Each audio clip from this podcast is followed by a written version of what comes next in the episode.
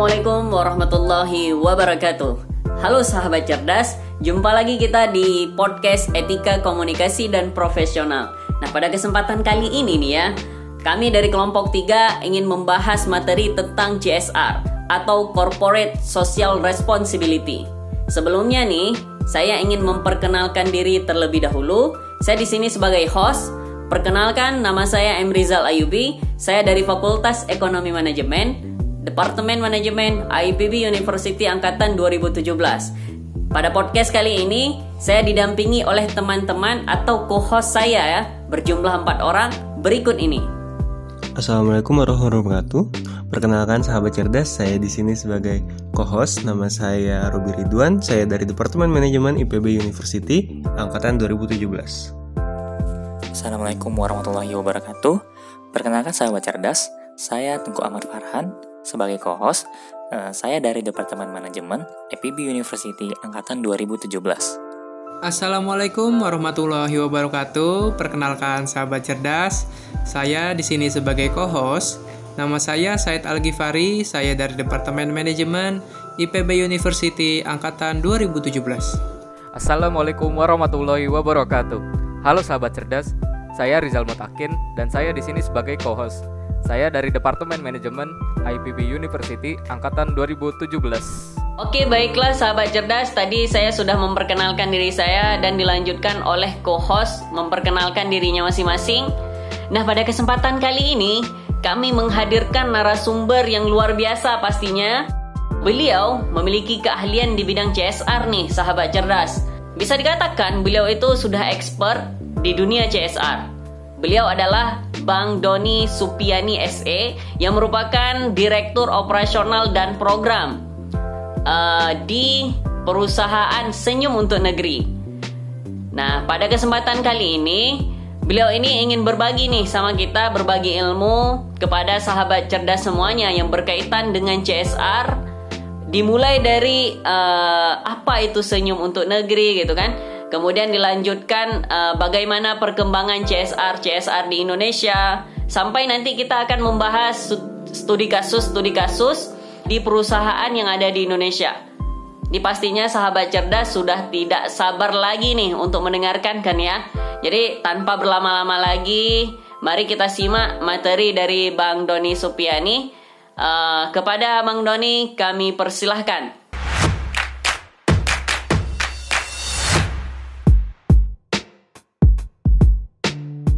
Terima kasih pada teman-teman yang uh, mengajak saya diskusi ya terkait dengan CSR.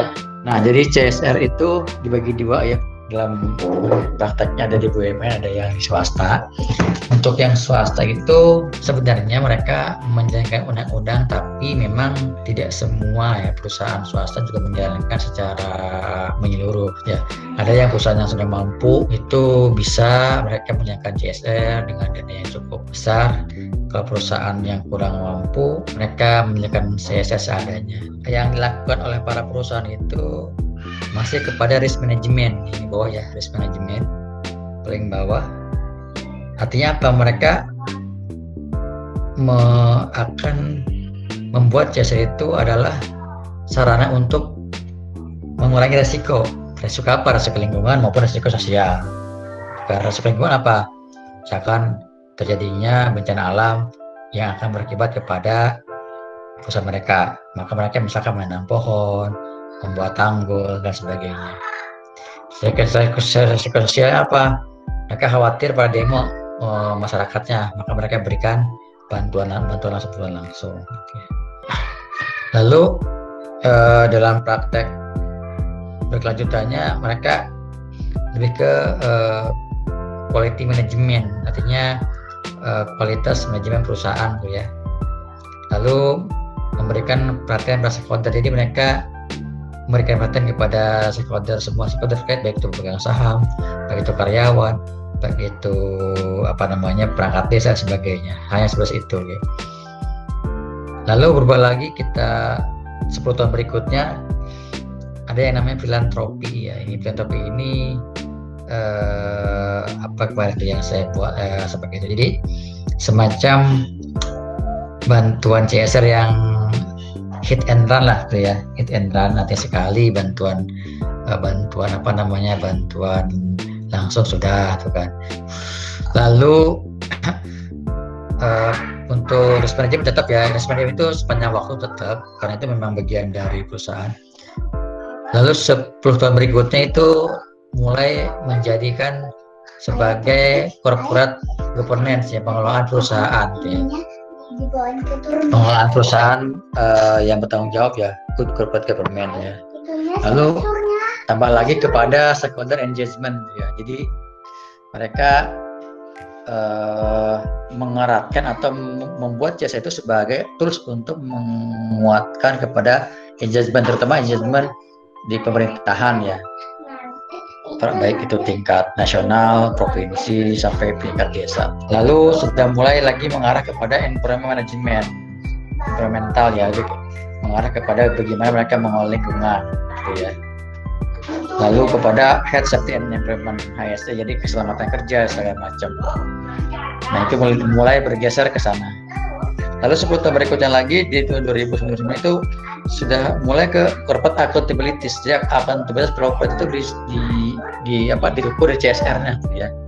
Bagaimana mereka bertanggung jawab ke CSR ya. Dan, dan ada juga uh, yang sudah mengarah ke millennium development. Millennium development ini uh, kalau teman-teman searching itu dari uh, Badan PBB Dunia ya PBB, mereka mengeluarkan gerakan Millennium Development itu kalau nggak salah ada lupa saya 9 dan 8 ya eh, poin-poin Millennium Development.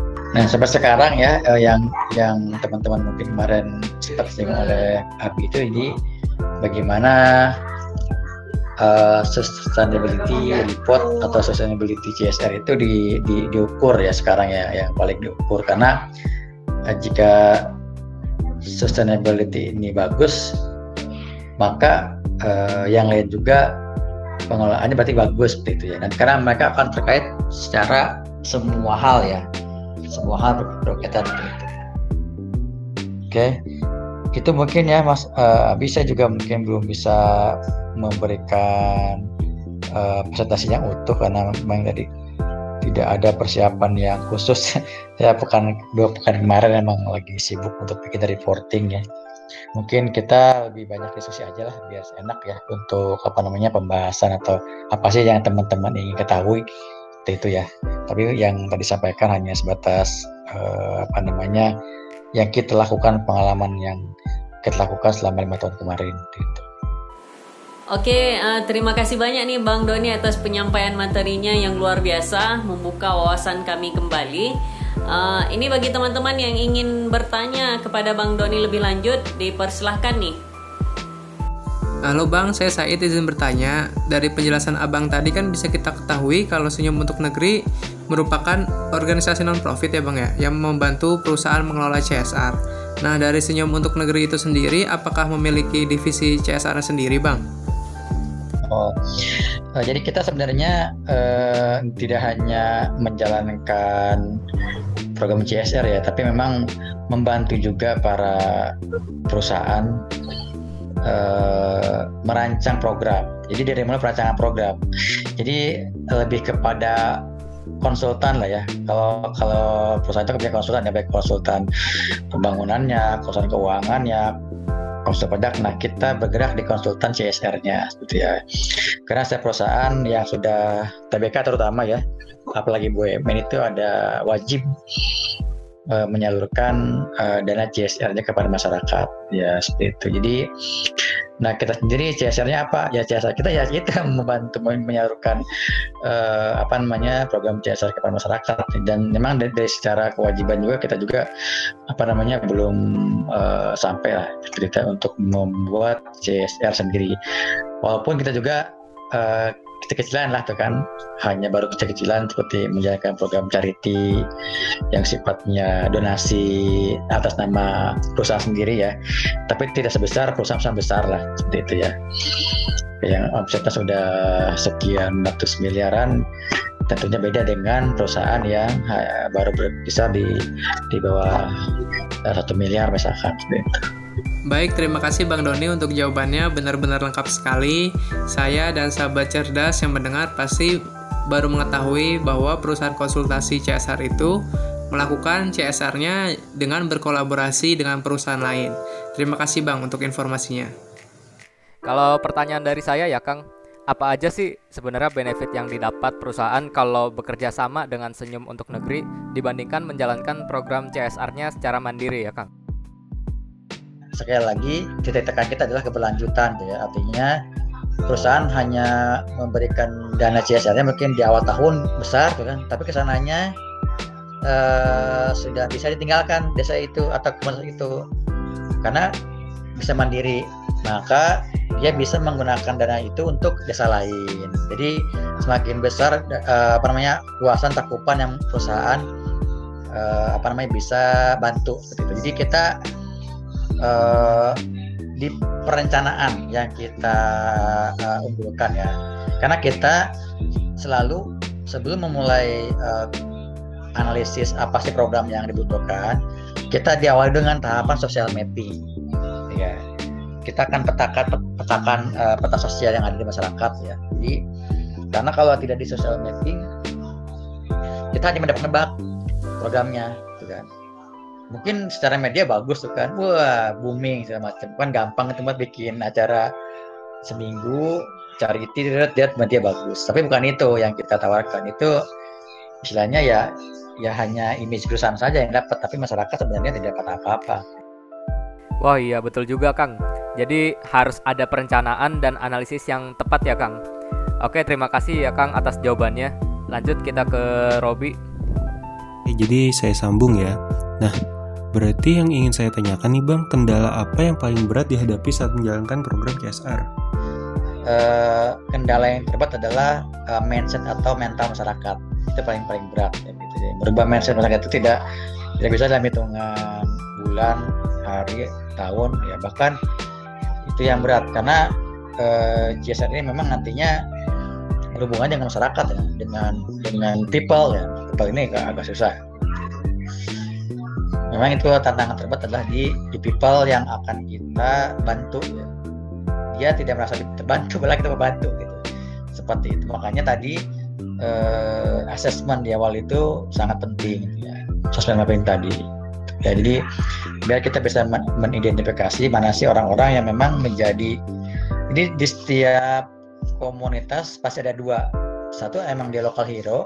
Lokal itu dia memang eh, dedikasi dia udah by nature ya dia dia secara mental bagus dia bisa mengajak masyarakat. Tapi juga di situ pasti juga ada orang yang kontraknya tuh ya. Tuh ya dia mungkin selalu berorientasi kepada materi itu kan. Dia ingin mengambil keuntungan di setiap uh, kesempatan itu itu ya uh, Mas Robi Baik Bang, terima kasih banyak. Berarti memang budaya menjadi permasalahan utama ya di setiap lokasi uh, kegiatan CSR. Nah selanjutnya silahkan dilanjutkan untuk Farhan. Baik Robi, sebelumnya juga sudah ditekankan oleh Bang Doni terkait pentingnya keberlanjutan atau sustainability dari sebuah program CSR. Nah, bagi senyum untuk negeri sendiri, Bang, uh, apa sih indikator lain yang dijadikan acuan berhasil atau tidaknya suatu program CSR tersebut? Ya, memang saat ini uh, sustainability itu memang menjadi penilaian utama ya, baik itu di award award CSR itu pasti yang dinilai sustainability, gitu kan. Seberapa bagus keberlanjutan program tersebut, CSR award apa pun ya yang ada CSR award dari apa tuh yang namanya tuh uh, CSP Award dari uh, proper tuh ya yang banyak itu. Jadi yang dinilai adalah keberlanjutan dan uh, hubungan atau matchnya sih program perusahaan dengan nilai perusahaan dengan apa yang dijalankan. Nyambung nggak sih dengan uh, apa namanya itu aktivitas perusahaan dengan program CSR-nya gitu memang saat ini yang jadi penilaian masih keberlanjutan. Karena kalau nggak berlanjut berarti program biasanya gagal gitu gitu ya. Jadi indikasinya ya memang keberlanjutan itu banyak banyak apa nih banyak penilaian ya. Baik keberlanjutan itu dari sisi uh, masyarakatnya bisa mandiri itu kan ya. Terus atau uh, memang bisa menularkan ke desa yang lain atau bisa bisa diduplikasi di tempat lain. Itu sebenarnya masih berlanjutan juga ya gitu. Baik, terima kasih Bang Nuni. Sekarang kita jadi tahu nih, uh, sahabat cerdas. Selain sustainability, indikator yang juga penting yaitu kaitan antara tujuan perusahaan serta aktivitas perusahaan terhadap program CSR yang dilakukan. Oke, selanjutnya kita kembalikan ke host kita, Ayubi. Nah teman-teman tadi udah mendengarkan kan ya gimana materi dari Bang Doni secara umum dan terkait dengan Senyum untuk Negeri biar kita lebih akurat, biar lebih spesifik membahas CSR, kita akan membahas studi kasus nih teman-teman. Kita bisa simak uh, dari penyampaian latar belakang Robi Ridwan dipersilahkan. Nah, Bang, kita ada studi kasus nih terkait dengan PT Pertagas di era pandemi ini. Dari yang saya tangkap, uh, memang Pertagas ini sudah sangat tingkat adaptasi sangat tinggi dalam menjalankan kegiatan CSR di tengah pandemi. Salah satunya mengubah fungsi penjahit baju menjadi menjahit masker, memenuhi bantuan makanan ke RSUD setempat dari Resto Apung ke Sidoarjo, jadi restonya itu ditutup dan berubah menjadi catering. Dan walaupun begitu memang ada beberapa juga yang di stop. Tapi e, hal ini membuktikan kenapa dibilangnya bagus karena saya juga baca bahwa eh, PT Perdagas ini berhasil memborong 5 penghargaan di Nusantara CSR Award 2020 Bang. Karena adanya pemberdayaan penyandang disabilitas, pemberdayaan ekonomi komunitas di Sidoarjo yang saya bilang tadi dan juga pemulihan ekonomi komunitas di Kabupaten Karawang. Seperti itu. Dari sini bakal banyak banget yang bisa kita bahas Bang sepertinya. Mungkin dari Rijal dulu apakah ada yang ingin dibahas? Wah oke okay, Robi. Jadi gini Kang Berdasarkan kasus tersebut ya, bisa kita simpulkan bahwa Pertagas ini sudah melakukan kinerja yang luar biasa nih dalam melakukan CSR-nya.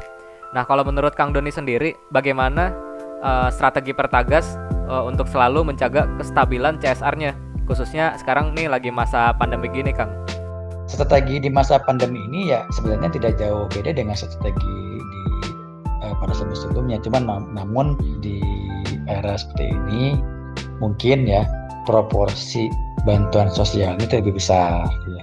kayak kemarin kita kan sama uh, Sampuan Indonesia kita ada program UKM tuh ya UKM tiba-tiba kena pandemi ya udah kita sebagian alokasi dana kita kita rubah menjadi bantuan sembako misalkan itu ya jadi uh, kalau tanya strategi apa di masa pandemi ya ya tergantung perusahaannya mau, mau gimana apa dia mau mau ke mana arahnya itu kan. Tetap tetap mau dengan tujuan dia meraih award kan atau dia mau meraih simpati masyarakat. Atau dia mau ke engagement ke pemerintah. Atau apa itu ya. Karena masing-masing perusahaan itu punya misi di balik CSR semuanya itu ya. Seperti itu ya. Oh oke okay, Kang. Berarti tergantung tujuan perusahaannya masing-masing ya Kang? Oke Kang. Kalau gitu terima kasih ya atas jawabannya ya Kang. Oke mungkin kita lanjut saja ke Ayubi kalau menurut abang sendiri uh, program CSR yang cocok untuk perusahaan baik Pertagas maupun perusahaan lainnya kira-kira apa gitu bang? Kita nggak bisa bilang program yang bagus itu dengan kita hanya menebak-nebak ya bagus.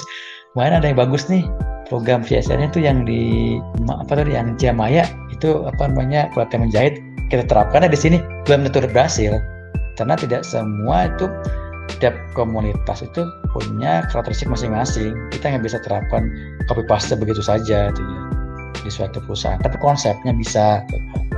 Konsepnya sekarang konsepnya adalah membangun berusaha oke okay, seperti itu. Tapi apa sih bentuknya itu nggak bisa kita samakan. Harus di mapping dulu semuanya. Oke, terima kasih banyak Bang. Ya. Mungkin dari teman-teman yang ada yang ingin bertanya lagi dipersilahkan nih. Baik, terima kasih. Ini saya Said, izin bertanya, Bang. Nah, seperti yang kita ketahui, Pertagas sendiri memperoleh banyak sekali penghargaan untuk kinerja CSR-nya. Nah, apakah perusahaan lain dapat mengikuti CSR dari Pertagas untuk memperoleh pencapaian tersebut gitu, Bang? Terima kasih, Bang. Ya, memang sih eh, bagusnya perusahaan itu melakukan kegiatan CSR itu sesuai inen dengan bisnisnya ya. Contohnya apa ya? Perusahaan pertambangan energi. Memang sih dia bagusnya lebih ke arah lingkungan ya. Bagaimana kan? Kenapa lingkungan? Dia memang kerjanya harus lingkungan seperti itu. Jadi apakah kita copy paste saja tuh program PG Pertamina Gas mulai besar kita? Ya kalau kalau menurut kopi silahkan copy paste ya. Tapi belum tentu berhasil itu aja yang yang yang tadi catatan yang belum tentu berhasil di perusahaan yang lain. Gitu. Jadi eh, terutama yang berhubungan dengan human ya manusia ya. Kalau itu sifat untuk uh, penghijauan atau apa itu sih bisa di mana aja lah. Tapi dengan dengan melibatkan manusia dengan sumber daya yang berbeda-beda itu belum tentu bisa di copy paste di tempat yang lain. Saya sih belum menemukan ya ada perusahaan yang copy paste program di tempat lain sama persis ya. Walaupun mungkin keterbatasan dana, eh, biasanya mereka tetap melakukan assessment. Mungkin nggak selengkap social mapping, eh, bisa aja mungkin stakeholder mapping gitu ya. Itu mungkin ya Mas Said. Baik, terima kasih Bang Doni untuk jawabannya. Jadi, sahabat cerdas bisa kita kesimpulkan, walaupun perusahaan menjiplak suatu program CSR, belum tentu program tersebut akan sukses dengan sendirinya, karena banyak sekali faktor yang mempengaruhi kesuksesan dari program CSR tersebut. Terima kasih ya, Bang. Baik Bang, terkait dengan prestasi yang diperoleh Pertagas dalam studi kasus sebelumnya, berarti memang penting ya bagi suatu CSR untuk menyelaraskan tujuan programnya dengan SDGs serta ISO 26000. Yang namanya SDGs itu adalah uh, kitab sucinya lah CSR itu. kitab suci itu CSDGs ya. Karena memang semua baik itu kebijakan negara juga ya dari setiap kementerian itu ke pasti ke SDGs deh larinya. Di Indonesia sendiri itu namanya ada ISO 26000 seperti ya. ISO ini belum ada ISO 26000 itu bukan seperti ISO yang lain. Dia tidak ada sertifikasi ISO 26000. Dia hanya guidance panduan. Kita hadisnya lah apa namanya tuh panduan cepat hanya panduan. Ada lagi namanya tadi eh, sesuai dengan P, PJOK tahun berapa ya? Itu sekarang perusahaan yang nggak publik itu wajib ada SR-nya. Berarti kalau wajib ada SR, berarti dia wajib ada CSR-nya, gitu kan? Terima kasih Bang. Sekarang kita jadi tahu nih, sahabat cerdas, bahwasannya dalam merancang CSR yang baik dan tepat, itu dapat berpedoman pada SDGs serta ISO 26000. Selanjutnya kita kembalikan ke Ayubi. Ya, tidak terasa ya teman-teman, kita udah di penghujung acara aja nih ya. Uh, kita udah membahas luas banget tadi ya Bang Doni juga udah menyampaikan materi secara umum kemudian membahas studi kasus kita pecahkan bersama-sama. Nah sebelum kita tutup nih kita mau dengar closing statement dari Bang Doni. Kepada Bang Doni Ayubi persilahkan. Uh, teman-teman ketahui bahwa perhargaan CSR itu nggak hanya satu ya banyak ya. Memang itu ajang-ajang itu menjadi ajang saling ya bergengsi itu ya mencari gengsi maksudnya mencari gengsi antara perusahaan gitu ya kalau teman-teman di sini kan sebenarnya tetap aja yang dinilai itu adalah bagaimana CSR itu dilaksanakan dan harus sudah seperti standar apa gitu ya. Kalau di di yang saya bacakan kalau di Petagas itu dia standarnya ISO 26000 untuk uh, apa namanya untuk CSR-nya itu ya. Nah, perusahaan itu biasanya untuk mengejar suatu award itu dia akan jadi dia punya CSR unggulan tuh, ngerti gak? Jadi misalkan dia ke TGI ini, dia udah menang di Elang, misalkan menangkan Elang di Kamuncang, mau dia terus di situ, dikembangin di situ dia, agar tahun depan dia dapat lagi gitu. Ya, teman-teman kalau misalkan mau main ke kantor atau mau ngobrol dengan teman-teman apa namanya di sana emang enggak silakan terbuka aja buat teman-teman kalau misalkan mau apa namanya mau belajar lah sana baik bang ya, terima ya. kasih banyak hmm. Baiklah teman-teman, saya menutup podcast kali ini dengan mengucapkan terima kasih banyak kepada Abang Doni dan teman-teman co-host saya. Semoga eh, apa materi yang disampaikan pada kali ini bisa teman-teman petik hikmahnya. Saya M. Rizal Ayubi pamit undur diri. Saya Rizal Mutakin, pamit undur diri. Saya Farhan, pamit undur diri. Baik dari saya, Robi Ridwan, pamit undur diri. Terima kasih semuanya. Saya Said Algifari, izin pamit undur diri. Sampai jumpa lagi.